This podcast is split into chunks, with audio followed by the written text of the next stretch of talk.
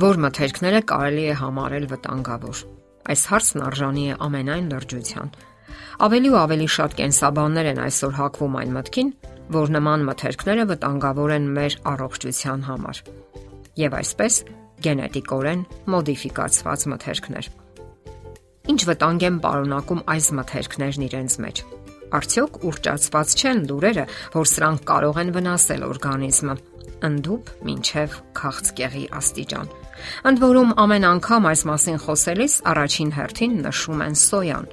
Ասենք որ գենետիկորեն մոդիֆիկացված մթերքների արդյունաբերությամբ գլխավորապես զբաղվում է հարազգային Monsanto ընկերությունը։ Այս ընկերության պատմությունը սկսվում է 1901 թվականից, երբ նրա հիմնադիր Ջոն Ֆրենսիս Քուինին սկսեց անհրաժեշտ բաղադրիչներ արտադրել եւ վաճառել Coca-Cola-ի համար։ Ֆիրման արտադրում է նաև կոֆեին, սախարին,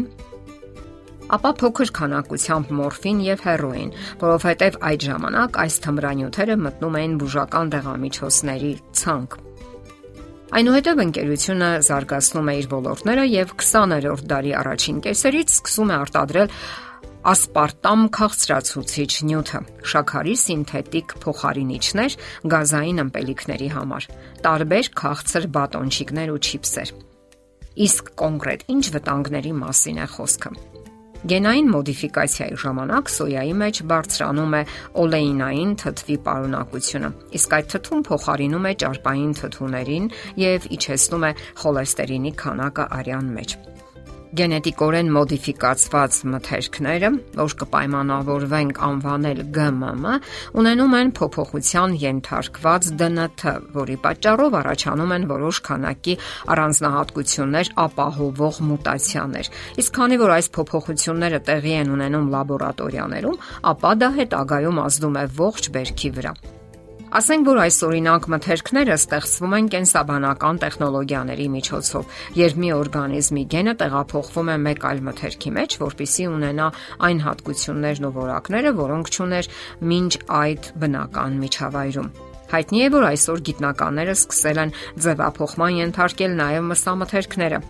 Սակայն այնուամենայնիվ հիմնականում ձևափոխում են բանջարեղենը, մրգերը, հացահատիկային կուլտուրաները։ Սկզբում այն կարծիքն էր իշխում, թե գտել են մի հիանալի եղանակ, որով կարելի է շատ հարցեր լուծել գրավել գնորդին, լուծել սովի խնդիրը երկիր մոլորակի վրա, օգնել գյուղատնտեսությանը։ Սակայն հետագայում ողջվեց, որ այն ավելի շատ վնասներ ունի, քան օգուտ։ Վերջին տարիներին կատարվող հետազոտությունները ցույց տվեցին, որ նման մթերքները թե վտանգավոր են մարդկանց առողջության համար, եւ թե առանձնապես օգուտ չեն տալիս գյուղատնտեսությանը եւ սկսվեցին վեճեր այդ երևույթի կողմնակիցների ու դրա դեմ պայքարողների միջև։ Կատարվել են բազմաթիվ հետազոտություններ եւ լաբորատոր ուսումնասիրություններ, որոնց արդյունքում ողջվել են այն վնասները, որ հասցնում են այս մթերքները։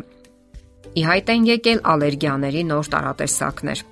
Այս ԳՄՄ-ները պարունակում են թունանյութեր եւ ալերգեններ, որոնք վնասում են օրգանիզմին։ Օրինակի համար կարելի է հիշել Starlink եգիպտացորենի շուրջ 2000 թվականին ցակած աղմուկը Միացյալ Նահանգներում։ Պարզվել էր, որ այս եգիպտացորենի մեջ արկա է մեծ քանակի թունավոր սպիտակուցներ, որոնք մարդկանց մոտ ուժեղ ալերգիկ հակազդեցություններ էին առաջացնում, ընդդուպ մինչև անաֆիլակտիկ շոկ գիտակցության կորուստ։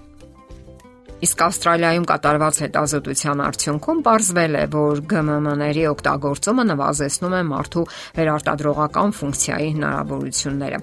Սա ապացուցվել է մկների վրա կատարված գիտափորձով, որի ժամանակ հայտնի է դարձել, որ ԳՄՄ եգիպտացորենով սնված մկների մոտ ավելի ցածր պտղաբերություն կա, քան այն մկների մոտ, ովքեր սնվել են բնական եգիպտացորենով։